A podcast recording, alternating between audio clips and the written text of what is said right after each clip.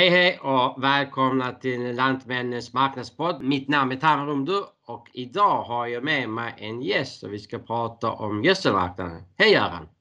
Ja, hej! Hej hej! Göran Larsson, ja. jag är produktchef växtnäring på Lantmännen Lantbruk. Jag har varit med i den här podden ett par gånger tidigare. Ja. Det stämmer.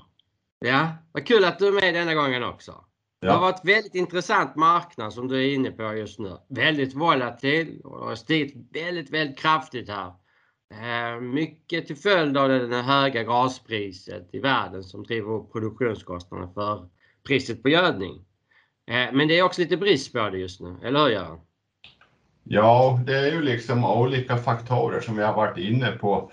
Den här prisuppgången började ju egentligen för ungefär ett år sedan och, då, och det var ju, eh, vi har ju pratat lite om det här innan, men det var ju urean som är den stora kväveprodukten i världen. Den står för en bit över hälften av allt kväve på världsmarknaden. Och där är ju Kina den stora, största exportören eh, historiskt sett och Indien är ju den största köparen. Det finns det några till som köper väldigt mycket urea också, Brasilien bland annat. Men eh, det som hände då var ju att Kina började dra ner på sin export. De har ju dragit ner sin produktion en hel del. Och eh, det har fått konsekvenser egentligen under hela det här året att Indien har haft problem att fylla upp sina volymer, det de, det de vill köpa då. Eh, så enkelt uttryckt så köper Indien 10 miljoner ton och Kina exporterar de allt. Drygt 10 miljoner ton kanske, men nu, nu har de ju minskat det väldigt kraftigt. De har dragit ner sin ureaproduktion. Eh, det är olika saker med, med eh, miljö, alltså smog och eh, klimatfrågor och annat som styr det här. Så, så de vill inte exportera så mycket och då fattas det urea på världsmarknaden och det här har eskalerat under hösten. Framförallt då här nu från sommaren eskalerade ju priset uppåt. Så, och om vi nu tittar från 11 november när vi hade förra podden tittade jag lite hur det såg ut. Har det hänt någonting positivt sedan dess? Då är frågan. Nej, det har det inte gjort. Egentligen Det är i stort sett likadant. Läget är ungefär likadant. Det här urea-priset ligger på en rekordhög nivå, 900 dollar per ton. Det är den egyptiska orejan vi främst följer då eftersom den främst går in i Europa, i Sydeuropa där man använder en del oreja. Vi använder inte så mycket oreja här. Eh, så, det, så det har inte hänt någonting med orejan direkt. Och sen det, det, så det orejan drar ju upp våra gödselpriser därför att eh, sydeuropeiska lantbrukare, Storbritannien till viss del och så vidare, Tyskland också en del, eh, de väljer, ska jag köra Orea eller ska jag använda en CAN, alltså en N27 eller en N34? Eh, och då, då, då hänger de här priserna ihop. Eh, och då, då är det ju så att Orean har ju dragit upp det här priset som vi har, alltså vårt N27-pris. Och sen det du var inne på Tamer, nu är det nästa faktor. Gaspriserna trycker upp det underifrån. Tillverkningskostnaden eh, trycks upp. Och eh, gaspriset tittar jag på också hur det såg ut 11 november och det, det har inte heller ändrat sig jättemycket. Det står väl idag, vad står det idag, kanske 30 dollar eller någonting sånt. Ja, och, det spikade eh, till här i december månad. Det var väl någonting som det stack iväg rätt så rejält. Där. Det var uppe runt jul runt alltså 55-60 dollar tror jag det var uppe precis och vände. Det där hänger ihop med hur temperaturen är i Europa och så vidare. Alltså det här, om jag nu ska bara försöka referera lite vad det har varit historiskt. Det är ju en sån här Million British Terminal Units, en energienhet som man eh, då handlar den här gasen i det har legat kanske normalt runt 5-6 dollar i, i, flera år eh, och som mest 10 dollar. Så, så det, det, det är extrema nivåer fortfarande, runt 30 dollar. Så det är väl läget just nu i korthet, Tamer, där, så man kan säga hur, hur eh, marknadsläget är. Ingenting förändring egentligen i stort sett. Och rean har sjunkit lite. Den var uppe lite högre för, några veck för ett par veckor sedan. Men det är, det är svårt att bedöma om det här är tillfälliga förändringar eller inte tycker jag. Eh, så kan man nog kort sammanfatta det. Mm. Men om gaspriset skulle börja falla lite nu, om vi ska säga det, kommer den, eh, priset på gödning automatiskt börja falla eller krävs det en längre period tror du att eh, priset på gödning också börjar falla i förhållandevis på priset på gas, man ska säga så? Ja, jag tror alltså det här är flera olika faktorer inblandade i det här. Därför att ja, gaspriset för det första, det, det, det, handlas ju någon månad i förväg, så att om gaspriset faller idag så är det en framflyttad kanske eh, när tillverkningskostnaden de facto sjunker då. Ja. Och, eh, det, det, är ju eh, olika tillverkare har ju haft sin tid, trots vi tycker det här är ju astronomiskt höga gödselpriser så har de ju ändå haft svårt att tjäna pengar en del tillverkare. Man har olika förutsättningar, olika gödselfabriker runt om i Europa och i Ukraina och så vidare. Och eh, därför har man ju legat nere med tillverkning en hel del här nu i, i vinter. Så om du, om du, som, om du frågar här om gaspriset nu börjar sjunka, kommer gödseln att sjunka? Ja, det kommer att ta ett tag och det behöver sjunka ganska mycket skulle jag vilja säga, gaspriset. Och sen har vi ju nästa faktor, hur mycket gödsel, hur mycket N27 gödsel finns det i Europa nu? En del undersökningar har ju kommit fram till att, att, att det kommer att bli brist här på gödsel till våren. Vi närmar oss ett vårbruk nu och då kommer ju priset att styras också av tillgång och efterfrågan. Finns det tillräckligt med tillgång här nu? Förstå hur mycket är det kvar att sälja ute i Europa och så vidare. Så det kommer ju också att påverka det här. Och fortsätter urean på den här höga nivån så tror jag inte heller att priset sjunker så snabbt. Utan urean måste ju också ner i pris innan allting ska sjunka. Eh, och då måste, och ska urean sjunka, då måste Kina börja exportera igen. Det är väl den stora frågan egentligen, att Kina måste börja exportera. Och, och, och, det gör de inte just nu. Vi, vi har märkt framförallt på fosforsidan så såg jag att den är ner ungefär 90 i volym på alltså senaste, jag tror det var november månads statistik jag såg. Jämfört med snittet de har gjort eh, senaste tiden. Så vi ser ju dessa här minskade exporttendenserna eh, från Kina just nu också. Ju. Ja, det är, de, de har bromsat exporten på både, som du säger, urea, alltså kvävegödsel och eh, även på fosforn som de, de var en lika stor exportör på tidigare på fosfor traditionellt sett, runt 10 miljoner ton. Världens största exportör på fosfor också. Men den har de ju dragit ner. De har ju sagt ingen export sen eh, i höstas någon gång har de ju sagt egentligen att de stoppar den exporten. Så det, det är väldigt tajt på fosformarknaden också. Mm. Är, det. är det någon som kan ersätta den tycker du på den sidan? Alltså någon annat land som eh, har pratat. Vi har pratat lite om Nordafrika exempelvis men där har vi också hört att de vill också införa restriktioner. Ja, alltså den, på, när det gäller fosforn så är det ju eh, ett fåtal länder i världen som har reserver, som sitter på reserverna och det är ju Egentligen är det Marocko och Västsahara som har de absolut största tillgångarna. De har de säkra största tillgångarna. Jag tror det är 60-70 procent av kvarvarande tillgångar eller någonting sånt. Så de kanske kan öka, det vet inte jag. Men sen, eh, sen är det ju Ryssland och det är USA och det är Kina och några till då, så det är, som, som eh, är de stora fosforproducenterna i världen. Så det, det är ett fåtal länder som sitter med en stor eh, makt då, kan man väl säga när det gäller fosforn, att de har de tillgångarna.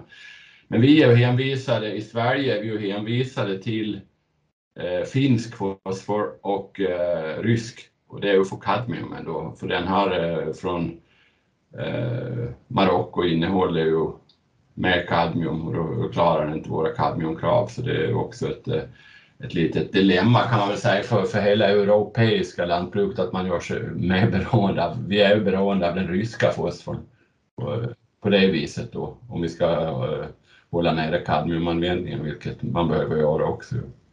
Vi är väldigt beroende av Ryssland just nu. Vi är ganska beroende av Ryssland på flera mm. sätt. ja, både utifrån gödselmarknaden och utifrån gastillgängligheten in till Europa.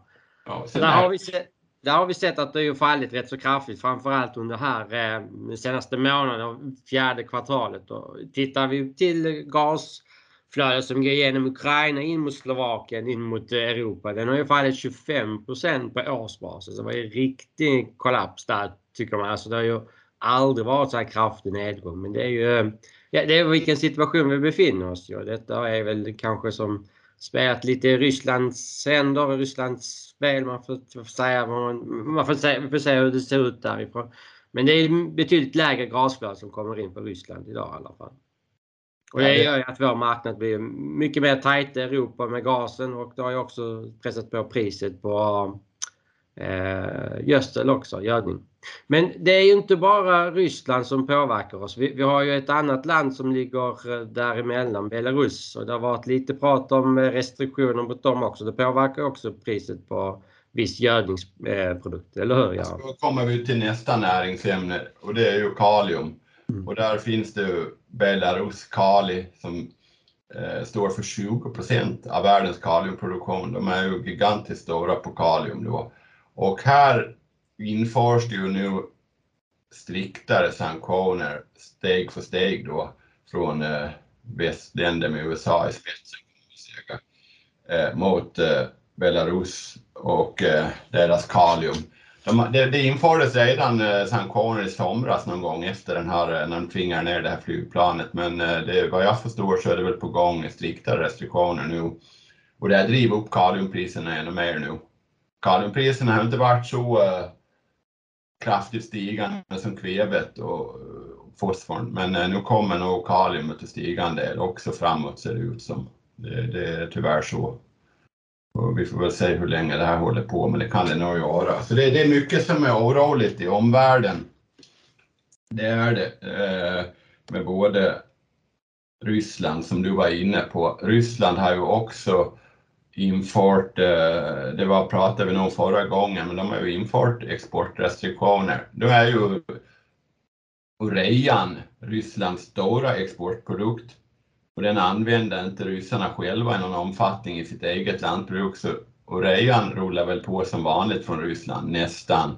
Men eh, ammoniumnitrat och CAN som ryssarna använder rätt mycket själva, där halverar man ju exporten i princip mot eh, tidigare år om man tar ifrån här i december fram till maj som de här exportrestriktionerna gäller då. Så det kommer nog få påverkan på en redan tajt europeisk marknad på ammoniumnitrat och säga igen att ryssarna skickar in mindre vara till Europa också eller exporterar mindre vara totalt sett.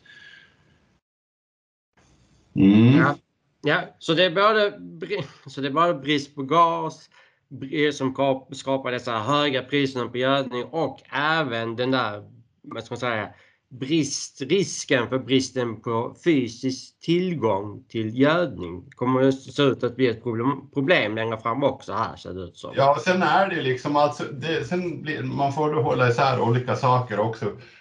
En sak, kommer vi att få brist, fysisk brist på gödning som du säger, det ja. kanske vi får, kanske inte. En del säger att det kommer inte att bli okej. Okay. Men ska vi komma ihåg en sak till och det är att vi jag bor i Sverige. Vi har inga gödselfabriker i Sverige.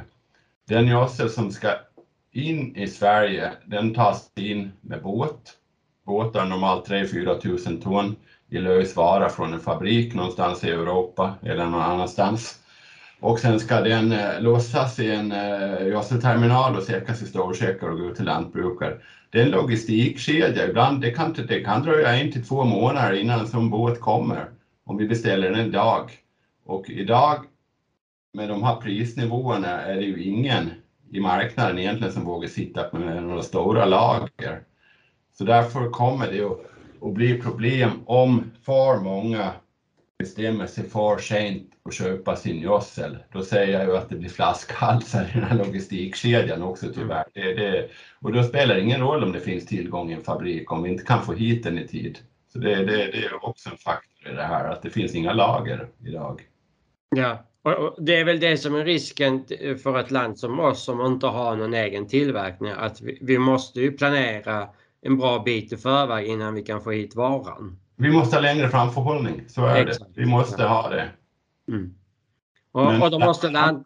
sida, vi kan inte köpa på oss hur mycket gödsel som helst i det här läget heller. Vi måste säga att kunderna köper, accepterar prisnivån de köper, om de inte gör det, ska inte vi köpa på oss en massa gödsel för att vi tror att vi ska sälja det. Det kan vi inte heller göra, utan vi får balansera det här så gott vi kan.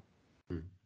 Så, så, det är viktigt att lantbrukaren planerar utifrån detta här också när de ska försöka få tag på gödsel. Att det kan bli lite problem att få tag på fysisk eh, tillgång. Och helst nu, eh, nu när man har kommit lite längre i södra delen av Europa, där startar man ju lite tidigare våren i förhållande till våra delar.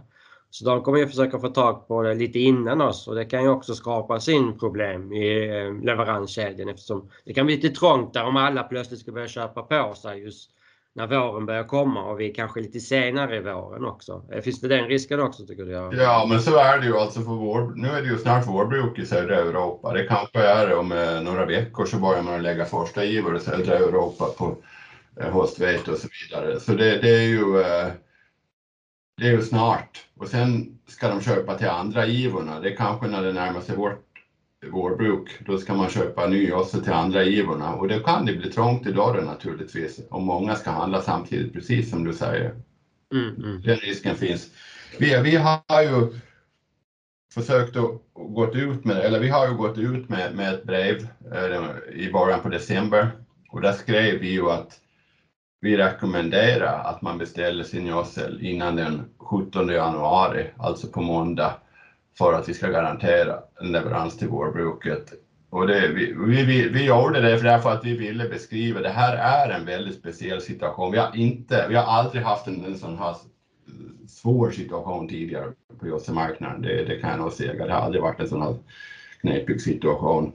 Så det är en rekommendation från oss och sen kommer vi göra allt vi kan för de som kommer efter den 17 januari att vi ska leverera den gödseln i tid också. Men, men det är en rekommendation. Sitt inte och vänta för länge på att priset ska sjunka. Den chansen är väldigt liten att det ska bli lägre, hinna bli lägre priser här nu innan våren. Det bedömer vi att det är en väldigt liten chans. Utan eh, risken å andra sidan större att, att vi inte hinner få fram vara i tid. Det är väl budskapet. Men sen kan, sen kan det gå åt andra hållet också. Det får vi inte glömma. Priserna kan, det kan ju, det kan stiga också ytterligare. Det vet vi ju inte ju. Nej, alltså, det kan hända. Det kan hända att det har gjort. Nu har det ju stått stilla ett tag. Ja. Eh, en, en och en halv månad eller någonting sånt. Men eh, det, det, det, det, kan röra sig ännu mer uppåt. Även om vi tycker att det är höga priser idag så är det ingen omöjlighet att, att prisnivåerna ökar ytterligare när vi närmar oss. Helst om Ryssland fortsätter att eh, strama åt på gas in till Europa som det ser ut de har gjort de senaste månaderna. Så skulle det fortgå och vi får inte en mildare väder så finns det risker att det blir att om det blir kallare direkt och eh, fortsätter med minska gasflödet för Ryssland. Det kan ju påverka såklart. Det, så det får man inte heller underskatta den sidan heller i, i världen att det kan ju gå åt andra hållet också. Ju. Även som du säger också att vi tycker att priserna är lite väl för höga tycker jag också. Alltså rent historiskt är detta inte rimliga nivåer om man ska säga långsiktigt. Men det är ju närmsta månaden så kan det ju svänga rätt så kraftigt åt båda hållen i vilket fall. Det kan man inte garantera åt det ena eller andra hållet. Ju. Vi behöver bara gå tillbaka till julafton, det är inte så länge sedan när, när gaspriset var på 55 dollar eller någonting sånt. Hade det priset hållit i sig så hade vi ju haft eh, högre priser redan idag skulle jag tro. Så det här kan gå snabbt. Exakt, och det såg vi också med elpriset också. Det har vi sett på elmarknaden också. Att det har haft samma inverkan. På grund av brist på gas i Europa har det påverkat också vår elmarknad, energipriser en, en rejäl köldknäpp ute i Europa ännu en period så är det ju risk att priserna drar iväg så det är mycket sånt som påverkar eh, det här. Ja. Ja, um, har du någonting mer att tillföra Göran? Eh, ska vi försöka runda av det här? Nej, jag tror inte att jag har det just nu utan eh, jag kände väl att det var angeläget att vi fick göra en liten uppdatering. Många är säkert intresserade hur marknaden har utvecklats och så vidare tyvärr har vi inga positiva budskap med att, att, att priserna håller på att sjunka eller att man håller på att mattas av på något sätt. Så är det. Så är läget. Mm. Å andra sidan så har vi faktiskt höga spannmålspriser så det ger ju visst positivt eh, incitament där fortfarande. Och eh, håller den här lilla torkan i sig i Sydamerika så kan vi fortsätta bibehålla dessa höga priserna. Så det finns fortfarande möjligheter för högre spannmålspriser i, i nästa steg. Så det kan ju vara fortsatt lönsamt att eh, ta nästa och försöka ja, tillförskaffa sig lite mer gödning inför vårbruket just nu. Om detta skulle hålla i sig. Ja, alltså det är ju viktigt att precis det du säger, alltså med spannmålspriserna. Vi har ju faktiskt en, om man räknar med dagens spannmålspriser mot för ett år sedan så har vi ju ändå en, ett bättre netto trots de höga gödselpriserna. Så det, det, ska man ju komma ihåg. Mm. Och det får man inte glömma på sista raden är det som är det viktigaste. Ja, ja. Men jag får tacka så mycket för detta Göran. Ja, tack själv. Ja. Och eh, tack alla ni som har lyssnat och ni får en fortsatt trevlig dag. Hej hej! Hej då!